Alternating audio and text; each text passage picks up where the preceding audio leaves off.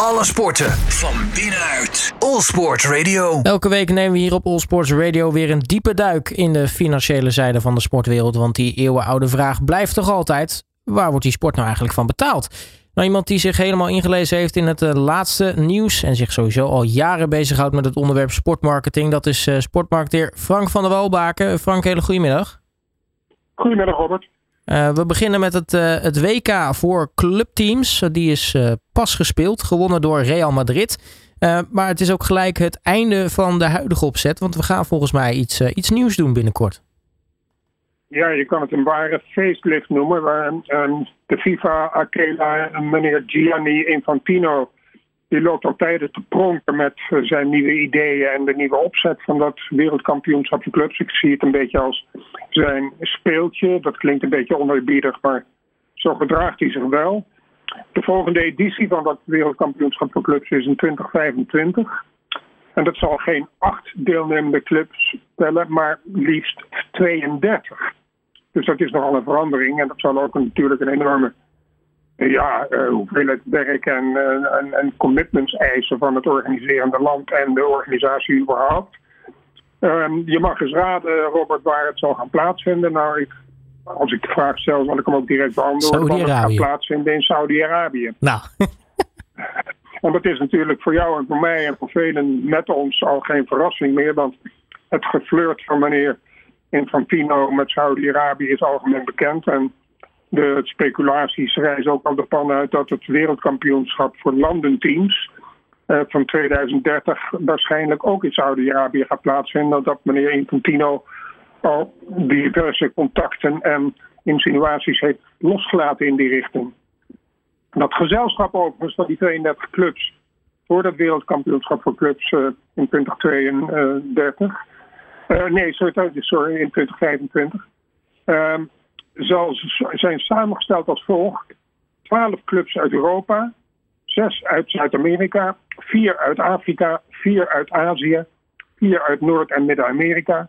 1 het organiserende land, dus Saudi-Arabië wordt natuurlijk gepaard doordat ze zelf verzekerd zijn van een plaats in het toernooi. Uh, en tenslotte de winnaar van de afgelopen editie, dus Real Madrid, heeft zichzelf als eerste geplaatst.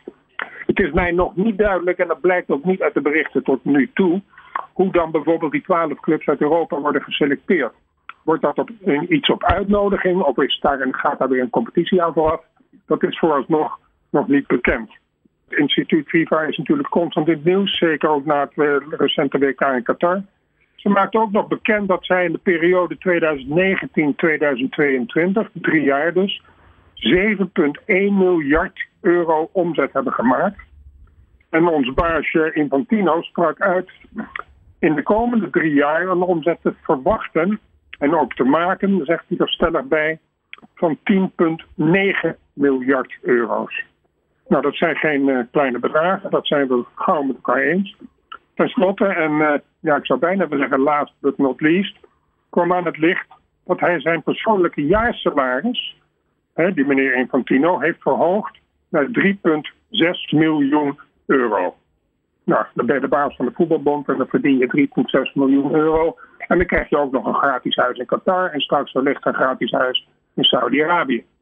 Dan uh, nou, de overstap van de FIFA naar de UEFA, die is dan uh, niet, uh, niet heel erg groot. Um, nee. Die hebben een, een benchmark onderzoek laten doen naar het eigenaarschap van de clubs. Ja, dat, dat heeft de UEFA geïnitieerd en dat, dat onderzoek laat zien dat op dit moment al 180 clubs op een of andere manier eigendom zijn van instanties die meerdere clubs in bezit hebben. en dat is ruim twee keer meer dan vier jaar geleden toen ze dus een dergelijk onderzoek ook hebben gedaan. Overigens, het merendeel is in handen, dat zal je niet verbazen, van Amerikaanse investeringsfondsen die nogal actief zijn op in Europa en zeker op het gebied van voetbal. De UEFA claimt dat de integriteit van het voetbal in gevaar komt omdat indirect de spelers van diverse clubs in bezit zijn van één eigenaar. En dat kan natuurlijk leiden tot onwenselijke situaties, zoals bijvoorbeeld matchfixing of zoals niet marktconforme transfers, uh, met wat bedragen betreft. Dus uh, UEFA, uh, we kunnen verwachten dat van de Europese Voetbalbond maatregelen gaan komen om dit in te perken of op bepaalde spelregels moeten aan voldoen. Hoe dan ook, uh, zij voorzien onwelkome situaties. En daar, daar kan ik me iets bij voorstellen. Dan uh, Manchester United, die zit eigenlijk in de verkoop. Die staat in ieder geval aan de etalage. Uh, veel over te doen. Maar ja, vraag je eigenlijk Frank, hoe staat het eigenlijk daarmee? Ja, de berichtgeving wereldwijd voor een eventuele te koop wordt op Manchester United heeft in, in diezelfde hele wereld nogal wat losgemaakt. Er zijn, uh, zoals het er nu uitziet, twee serieuze kopers, althans volgens de Engelse media. Um, voor de club van Erik ten Hag, waar hij coach mag zijn. Uh, allereerst is daar Sir Jim Radcliffe, en dat is geen bekende in de sportwereld, want hij is niet alleen Engelands rijkste man, maar hij is ook een van de grootste sponsors van sport, niet alleen in Engeland, maar in de hele wereld.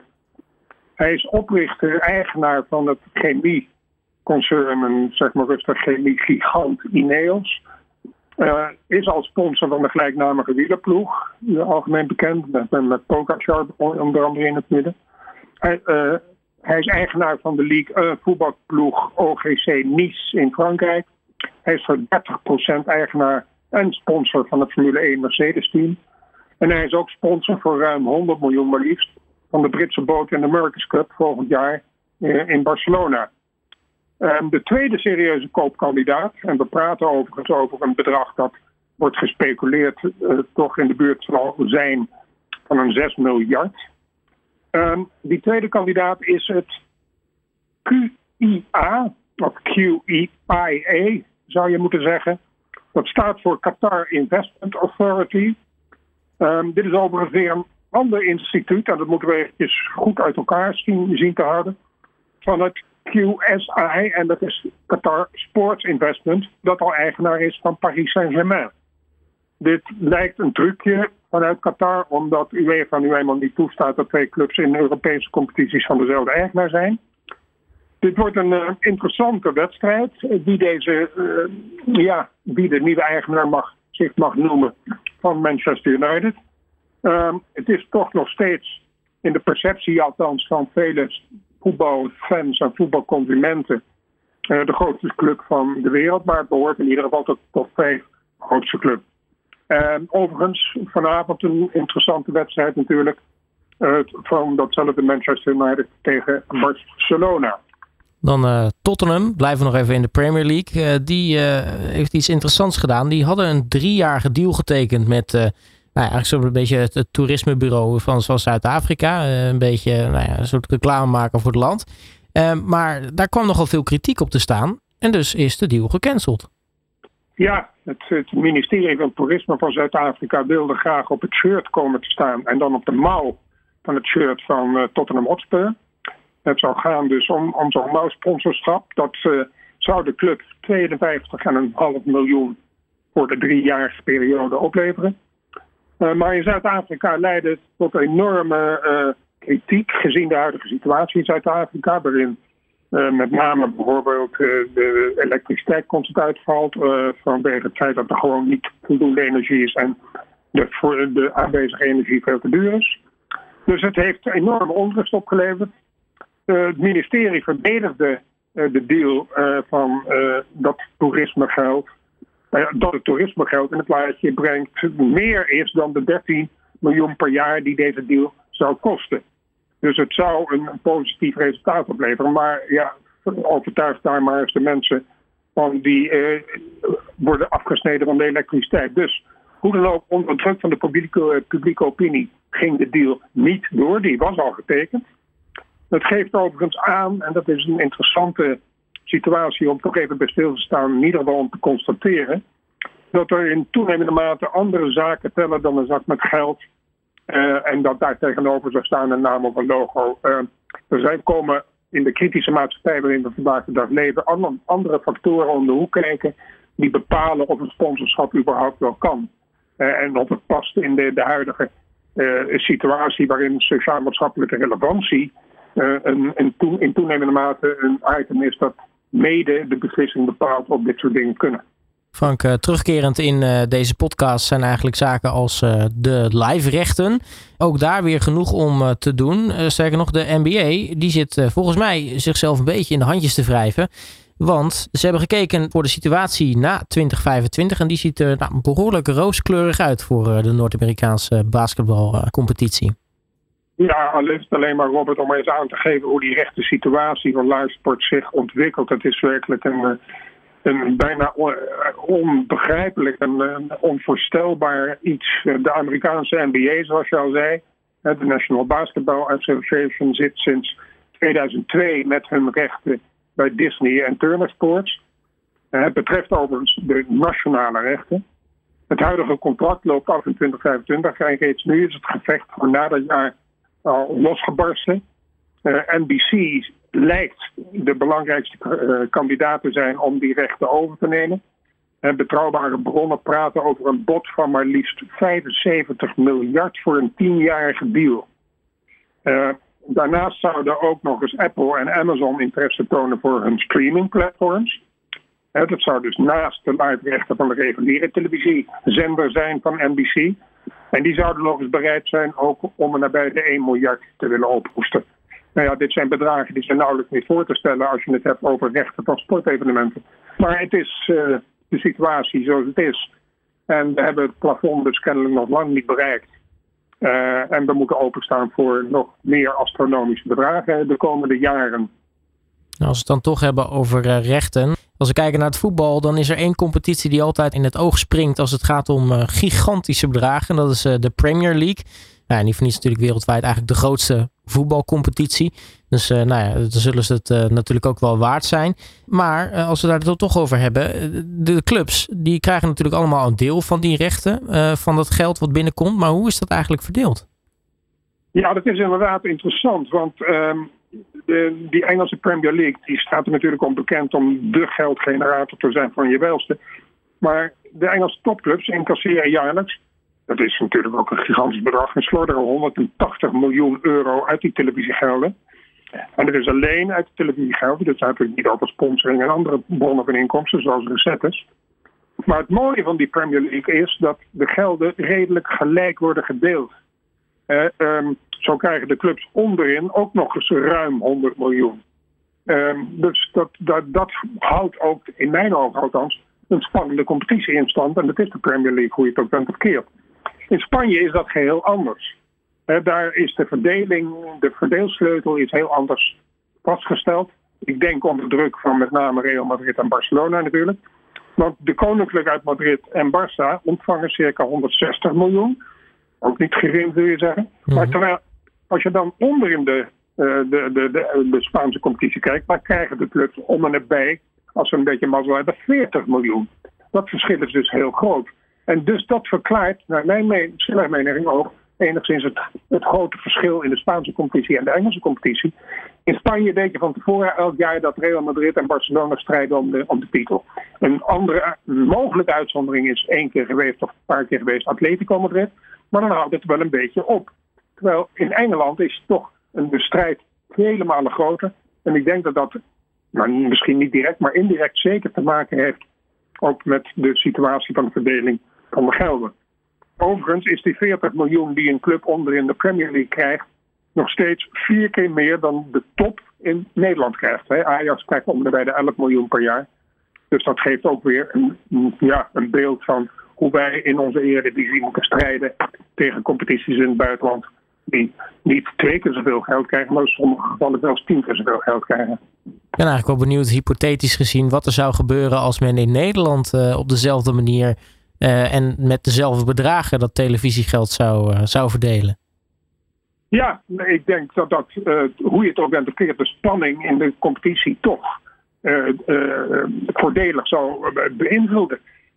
Hoe meer geld er onderin beschikbaar komt, hoe meer zij in staat zijn om hun faciliteiten, hun coaches en spelers aan te passen aan de beschikbare budgetten. En waardoor het voetbal onderin misschien nog wat beter wordt. Aan de andere kant worden we nu vandaag de dag, zeker in de huidige competitie van de Eredivisie, ook geconfronteerd met situaties waarin uh, de topclubs tegen de onderin clubs uh, gelijk spelen of zelfs verliezen. Dan laten we dat met z'n allen koesteren, want dat houdt een competitie spannend. En ja, maakt ons weer verlangen naar het aanstaande weekend. Daar sluit ik me helemaal bij aan, Frank. dan Zweden. een land waar we het overigens niet heel gek vaak over hebben. Maar die hebben zich kandidaat gesteld voor, voor de winterspelen. Ja, dat is leuk. Voor de winterspelen van 2030 hebben we het over. eerder werd al bekend dat zowel Sapporo uit Japan en Salt Lake City zich kandideerden. Maar Sapporo twijfelt nu omdat Japan nog steeds gebukt gaat onder de corruptieonderzoeken rondom de zomerspelen vorig jaar in Tokio. En Salt Lake City heeft inmiddels laten doorschemeren meer geïnteresseerd te zijn in de 2034 winterspelen. Dus met andere woorden, het IOC is blij met deze Zweedse kandidatuur. Uh, normaal gesproken zou dit jaar uh, uh, al de keuzes zijn gevallen, maar door die twijfels over Sapporo en Salt Lake City en nu Zweden, heeft het IOC uh, besloten, uh, bij woorden van Thomas Bach, de voorzitter, dat de beslissing dit jaar niet zal vallen, maar pas in 2024, terwijl normaal gesproken zeven jaar voor de Spelen de beslissing valt. En dan uh, voor mijn gevoel heb ik dan toch iets meer vertrouwen in, in, in de verdeling van zeg maar, het land waar de Olympische Spelen worden georganiseerd dan bijvoorbeeld bij uh, de FIFA of de UEFA. Want uh, anders zou misschien zo'n winterspelen al lang georganiseerd zijn in een gek land als Saudi-Arabië of zo. Ja, dat, dat sluit ik ook absoluut niet uit. En ik ben het volstrekt met je eens. Maar daar, daar kom je al direct op het verschil eigenlijk tussen twee personen. Het is belachelijk dat het afhankelijk is van, van enkele personen. Maar Thomas Bach is natuurlijk een heel ander soort mens dan meneer Gianni Infantino. En uh, Thomas Bach heeft, heb ik nog nooit kunnen betrappen op enige vorm van ego-trip en, en zichzelf profileren. Maar als ik terugdenk aan het wereldkampioenschap voetbal in Qatar, waarbij de prijsuitreiking um, door volledig geleid door meneer Infantino en die zelf de, de, de emir van Qatar aan de, aan de kant duwde toen de beker moest worden uitgereikt aan, uh, aan Messi. Ja, uh, dat was gewoon een klucht. En dat gaf eigenlijk de, mentaliteit en het karakter weer van meneer Infantino en meneer Thomas Bach bij het IOC. Heeft daar absoluut geen trekjes van. Dus uh, ik ben het volstrekt met je eens dat deze procedure van de keuze van een land of een stad voor de winterspelen of de zomerspelen heel anders gaat dan de keuze van een land of een stad voor de wereldkampioenschap voetbal. je begint eigenlijk met uh, weemoed bijna terug te denken aan, uh, aan Sepp Blatter. ja, dat klinkt gek, maar uh, ik, ik, er werd al om geroepen toen meneer Infantino de plaats in dan meneer Blatter van nu is de FIFA klaar om volledig hervormd te worden en weg alle corruptie. Nou, het is zo mogelijk nog erger dan uh, onder de periode van Blatter dan, uh, dan het nu is. Dus het is, uh, het is er niet op vooruit gegaan. En de corruptie is nog alom aanwezig. Dan tot slot Frank, uiteraard nieuws uit de Formule 1. Ja, we staan aan de vooravond. Hè, want in de loop van maart hebben we de eerste race in de Formule 1. Ehm, Las Vegas, nieuw op de kalender dit jaar, heeft aangegeven minimaal 240 miljoen dollar te investeren om de strip, de beroemde strip in Las Vegas, geschikt te maken voor de Formule 1 race. Uh, die dus dit jaar voor het eerst in november overigens in de stad plaatsvindt. De stad uh, verwacht dat de race een economische boost geeft aan de stad van minimaal 1 miljard. Um, en het contract met Formule 1 is vooralsnog voor drie jaar, maar Vegas heeft nu al bereid een handtekening te zetten onder een tienjarig contract. Nou, ik ben uh, zeer benieuwd hoe Liberty Media, hè, de eigenaar van Formule 1 Circus, Amerikaans bedrijf, hoe die daarop zullen reageren. Ik vermoed dat zij dat als een zeer welkom geluid vinden. Um, een ander nieuwtje, er is spanning tussen de Formule 1-organisatie en de rijders. Uh, de Formule 1-organisatie eist van de rijders dat zij gevoelige uitspraken op het gebied van politiek of religie uh, vooraf dienen af te stemmen met het Formule 1-management. Nou, de rijders gaan daar niet mee akkoord, kan ik me niet voorstellen. Dus dit onderwerp zal ongetwijfeld worden vervolgd. Maar het is natuurlijk te zot voor woorden dat je dit soort publieke, publieke figuren, uh, dat je die gaat dwingen om toestemming te vragen. Of ze een bepaalde uitspraak mogen doen op politiek gebied. Uh, onzin. Maar goed, hoe dan ook. Uh, een ander nieuwtje, de samenwerking tussen Oracle en Red Bull Racing. Nou, ongetwijfeld bij ons alle bekend vanwege Max natuurlijk. En Ford is nu definitief. Die is getekend vanaf 2026. Uh, en het zal duren tot minimaal 2030. Dus in ieder geval vier jaar. Nu is het wachten uh, op de goedkeuring van Liberty, in mijn ogen althans, tot het toelaten van het Andretti Racing Team, dat met een Cadillac team, dat is General Motors, wil gaan deelnemen. Want dat is natuurlijk weer spannend. Dan krijg je in Amerika een soort wedloop of een soort wedstrijd tussen Ford enerzijds en General Motors anderzijds. En dat verhoogt alleen maar weer de belangstelling in Amerika. En dat is natuurlijk toch het gebied waar Liberty nog kan scoren wat populariteit betreft in het autoracen. Dan tenslotte de niet de minste Amerikaanse bank, Citigroup, heeft getekend als sponsor van het Aston Martin Formule 1 team. En DP World, een logistieke gigant uit de Verenigde Emiraten, heeft getekend als sponsor van het McLaren Formule 1 team.